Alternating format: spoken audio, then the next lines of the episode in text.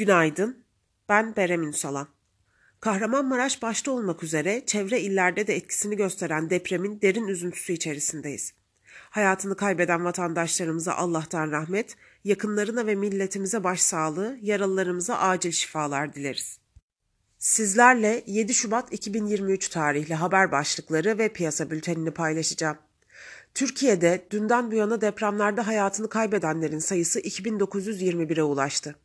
Türkiye Cumhuriyet Merkez Bankası deprem bölgesi için reskontta ödeme vadelerini uzattı. Deprem bağışları için yapılan para transferlerinden ücret alınmaması talimatını verdi.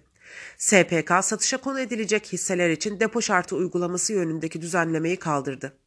Bugün Fed Başkanı Powell konuşacak. JP Morgan'a göre ABD'de enflasyonda yaşanan düşüş ve hisse rallisi geçici olabilir. Piyasalara genel olarak bakacak olursak, pay piyasalarında Kahramanmaraş merkezli deprem haberi sonrası SPK ve Borsa İstanbul'un geçici bir süreyle depo şartı ve açığa satış yasağı devreye alındı.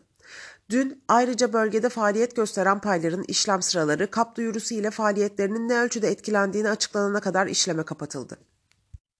Bugün SPK'dan yapılan açıklamaya göre depo şartı kaldırılırken açığa satış işlem yasağının devam edeceği bildirildi. Kısa vadede piyasadaki dalgalı seyrin devam etmesini bekliyoruz. Küresel tarafta ise güçlenen dolar risk iştahı üzerinde baskısını sürdürdü. ABD ve Avrupa endeksleri dünü düşüşle tamamlarken Asya'da karışık bir seyir izlendi. Bugün küresel piyasalar Fed Başkanı Powell'ın açıklamalarını takip edecek. Açıklamalar küresel risk iştahı üzerinde etkili olabilir. Bu sabah ABD vadelileri ve Alman DAX vadelisi pozitif eğilimle işlem görürken Asya endekslerinde karışık bir seyir izleniyor.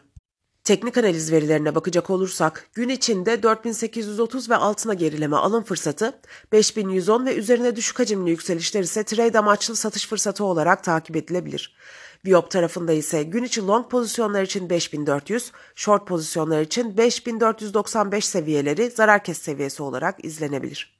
Borsa İstanbul'un ve endeks kontratının güne negatif eğilimle başlamasını bekliyoruz.